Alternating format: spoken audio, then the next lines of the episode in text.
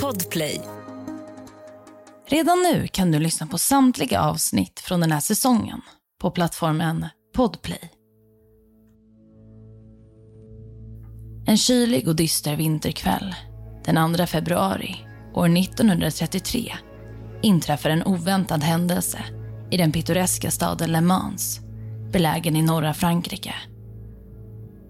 Advokaten René Lancelin är på väg hem för att hämta upp sin hustru och dotter efter en lång dag ute på stan.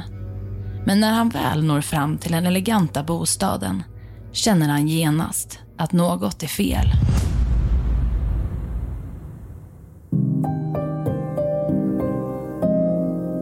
Du lyssnar på Jakten på mördaren med mig, Saga Springhorn. Jag vill varna för grovt innehåll i dagens poddavsnitt.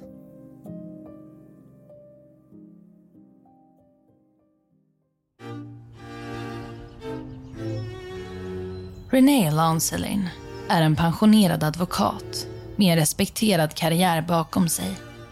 Han och hans hustru Leonie bor i ett ståtligt radhus i centrala Le Mans där de också delar hemmet med sin vuxna dotter Genevieve.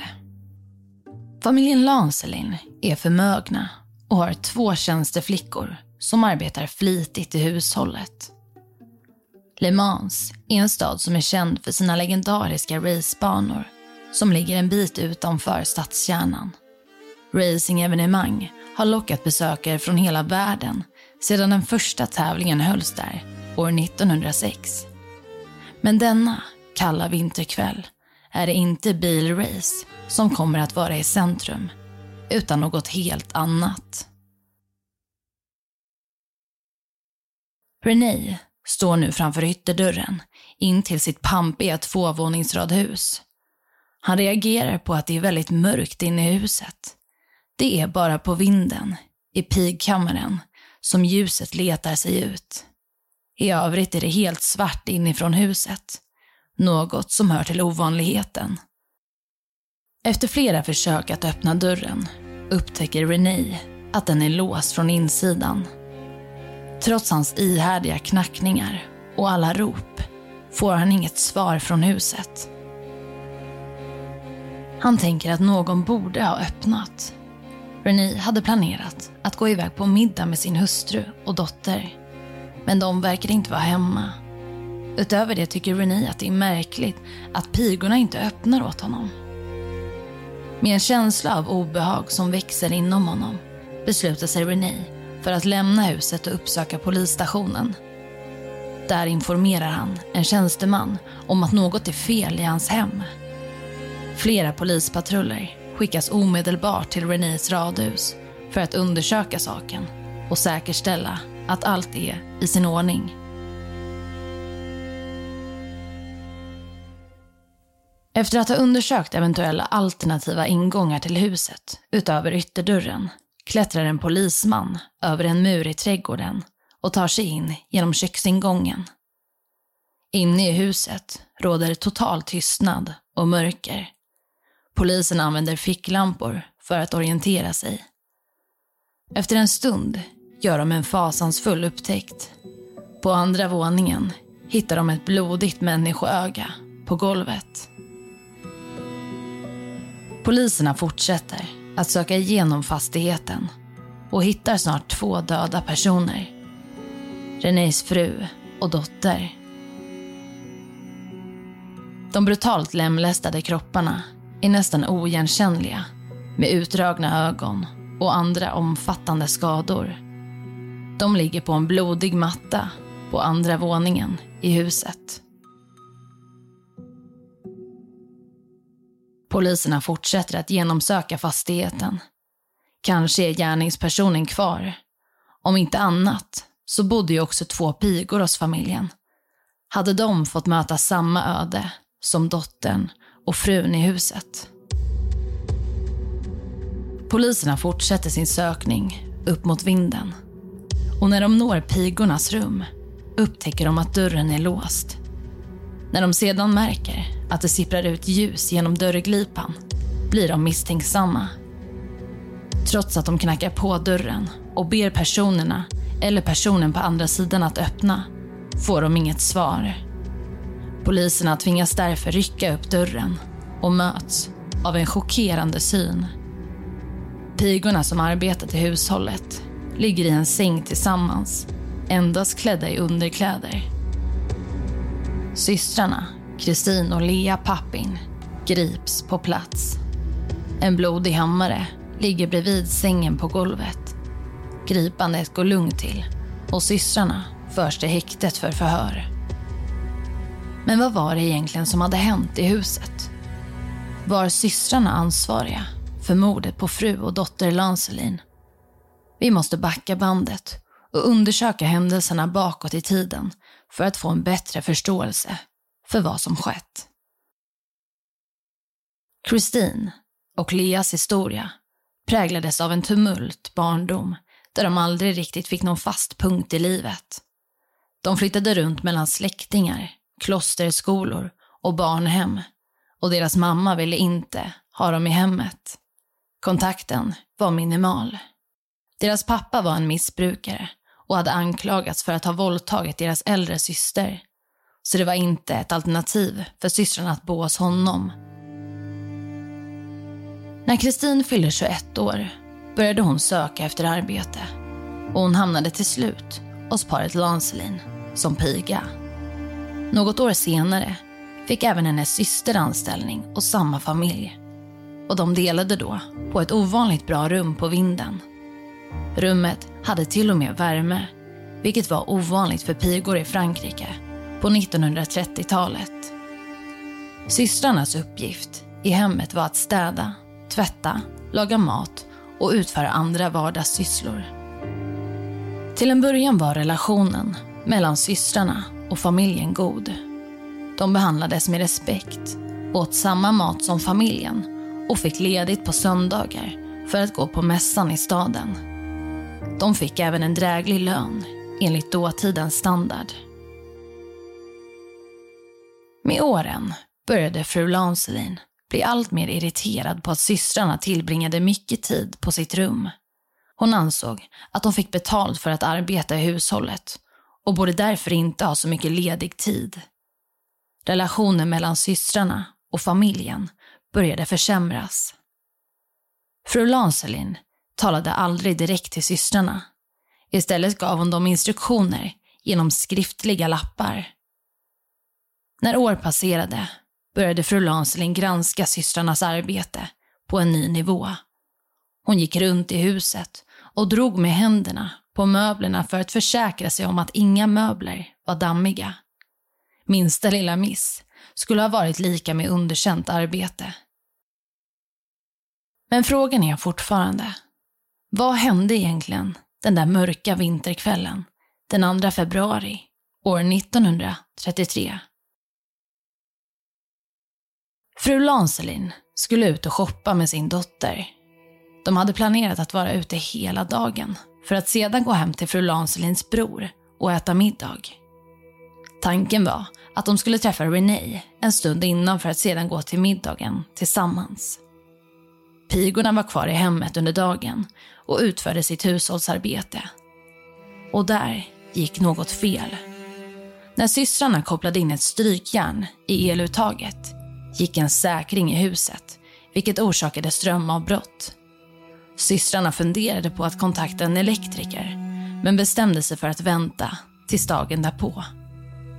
När klockan var runt 17.30 återvände fru Lancelin och hennes dotter till hemmet. Fru Lancelin var rasande över strömavbrottet och över att strykjärnet var trasigt. Hon gav Kristin en rejäl utskällning. Pigan Kristin blev mycket chockad och upprörd över fru Lancelins hårda ord. Hon grep tag i en tekanna som stod på en möbel bredvid och slog den i huvudet på frun som föll mot golvet. Dottern i familjen försökte hjälpa sin mamma men fick också ett träff med tekannan i huvudet.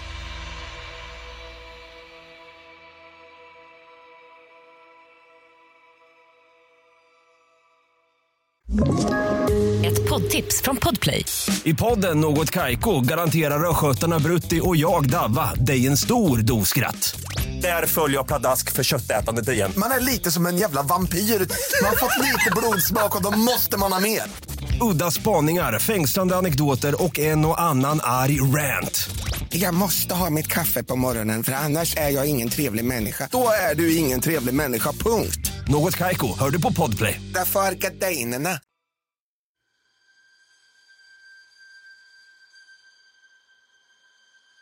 Pigan Lea hör ett tumult när hon är uppe på vinden och skyndar sig ner för trappan. Hon ser att det pågår ett fysiskt bråk mellan dottern Lancelin, fru Lancelin och hennes syster Kristin. Lea bestämmer sig för att försvara sin syster och det uppstår bråk mellan de fyra kvinnorna. Mitt i tumultet beordrar Kristin sin syster att driva ut ögonen på dotter Lancelin. Lea lyssnar och gör som hon blir tillsagd. Kristin beslutar sig sedan för att göra samma sak mot fru Lancelin. Dotter och fru Lancelin blir underkuvade av de två våldsamma pigorna och ligger ner på golvet och skriker av skräck och smärta. Trots att de fortfarande är vid liv är de helt hjälplösa utan synen. Systrarna hämtar en kniv och en hammare och misshandlar kvinnorna tills de är tysta och avlidna. Därefter börjar de skära i kropparna och kvinnorna är nästan helt oigenkännliga när de till slut hittas. Systrarna låser alla dörrar till fastigheten och går sedan in i sitt rum på vinden och väntar på polisen. De klär av sig sina blodiga kläder och lägger sig in till varandra i sängen. När systrarna grips påstår de att de handlat i självförsvar. De hävdar att om de inte hade dödat kvinnorna så skulle de själva ha dött. På polisstationen avlade Kristin ett vittnesmål som löd så här. Jag rusade ner till köket och gick för att hämta en hammare och en kniv och med bägge verktyg kämpade jag och min syster mot våra två matmödrar.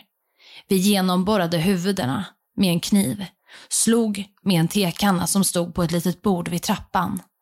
Vi bytte verktyget flera gånger mot ett annat. Det vill säga, jag gav min syster hammaren att slå med och hon gav oss kniven. Vi gjorde samma sak med tekannan och offren skrek men jag minns inte om de yttrade några ord. Jag gick för att låsa dörren och stängde dörren till vestibulen också. Jag stängde dessa dörrar därför att jag hellre ville att polisen skulle upptäcka vårt brott innan vår arbetsgivare. Så gick min syster och jag och tvättade våra händer för att vi hade dem fulla av blod. När vi kom in i vårt rum tog vi av våra kläder som var fläckade av blod. Vi tog på oss en morgonrock, vi stängde dörren till vårt rum och vi gick bägge till sängs i samma bädd. Detta är var ni fann oss när ni bröt upp dörren. Jag har inga känslor av ånger. Med andra ord, jag kan inte säga er om jag inte har några.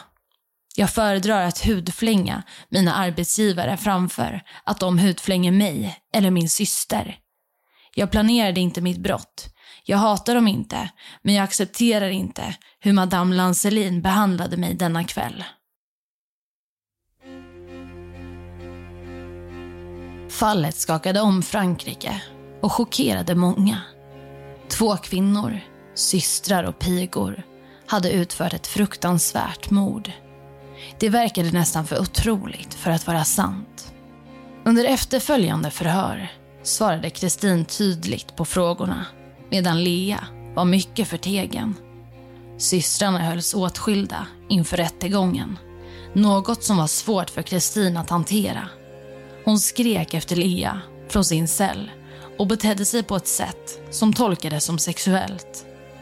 Kristin började även hallucinera, vilket man tror att hon gjort tidigare när hon bodde hemma hos familjen Lancelin. Vid ett tillfälle i häktet försökte hon riva ut sina egna ögon och tvingades bära en tvångströja. Systrarna tilldelades en försvarsadvokat som under rättegången hävdade att systrarna hade varit tillfälligt psykiskt sjuka. Försvararen hade sökt i den gamla familjehistorien och hittat exempel på släktingar som lidit av psykiska problem. En hade drabbats av våldsamma humörsvängningar. En annan hade begått självmord. Detta användes som bevis för att systrarna hade ärftliga anlag för att drabbas av liknande problem. Den 30 september år 1933 avkunnades domen och systrarna ansågs vara skyldiga. Kristin ansågs ha drivit på mordet och dömdes till döden genom giljotin medan Lea, som varit medbrottsling, dömdes till tio års fängelse. Ja, vi stannar upp där. Efter rättegången och domen är det uppenbart att Kristina har svårt att hantera sitt straff och isolering från sin syster. Hon sitter i häktet i väntan på sitt dödsstraff. Hon blir allt mer psykiskt sjuk under den här tiden och slutar bland annat äta och förs därför till mentalsjukhus. Till följd av detta mildras hennes straff till livstidsfängelse men hon avlider fyra år senare på grund av att hon vägrar äta. Lea å andra sidan spenderar totalt åtta år i fängelse innan hon släpps och flyttar till samma stad där hennes mor bor. Där byter hon namn och tar jobb på ett hotell. Cirka 30 år senare beger sig en journalist ut på jakt efter Lea och den här journalisten lyckas hitta henne och får en intervju. Lea berättar under intervjun hur hon fortfarande lider av ångest och fysiskt obehag när hon tänker på sin syster. Hon säger citat. Hon är alltid vacker och ung. Hon ler som hon gjorde förr i tiden, med ironi. Jag slits isär, jag skrumpnar ihop, jag svettas av rädsla, jag svimmar. Efter rättegången mot Lea och Kristin hävdade psykologiska experter att systrarna led av ett tillstånd som kallas dårskap för två. Det här innebar en delad psykos. Denna psykos resulterade i att systrarna hade delade paranoida symptom. Som att höra röster, känna en konstant känsla av förföljelse och ha en förmåga att uppmuntra till våld i upplevt självförsvar mot inbillade hot. Dessutom uttryckte systrarna även olämpliga beteenden relaterade till sexualitet. Sammanfattningsvis menade de psykologiska experterna att systrarna Papins tillstånd var det som ledde till mordet. Och det var allt för dagens avsnitt. Tack för att ni har lyssnat. Vill du komma i kontakt med mig så kan du skriva till mig på Instagram där jag heter Saga Springkorn eller mejla till jaktenpamordaren springkorn.se. I nästa avsnitt av Jakten på mördaren kommer du kunna lyssna till följande fall. En konstig syn fångar förbipasserandes uppmärksamhet den 30 mars 2005. Något flyter runt i kanalen i Dublin. Det visar sig senare vara ett ben. Polisen blir inkopplad och efter flera månaders utredning hamnar tre kvinnor i centrum för undersökningen. Om du inte orkar vänta och vill lyssna på avsnittet redan nu så kan du göra det helt gratis i appen Podplay eller på podplay.se. Podplay, en del av Power Media. Ett poddtips från Podplay. I podden Något Kaiko garanterar östgötarna Brutti och jag, Davva, dig en stor dos skratt. Där följer jag pladask för köttätandet igen. Man är lite som en jävla vampyr. Man har fått lite blodsmak och då måste man ha mer. Udda spaningar, fängslande anekdoter och en och annan arg rant. Jag måste ha mitt kaffe på morgonen för annars är jag ingen trevlig människa. Då är du ingen trevlig människa, punkt. Något Kaiko, hör du på podplay. Därför arkadeinerna.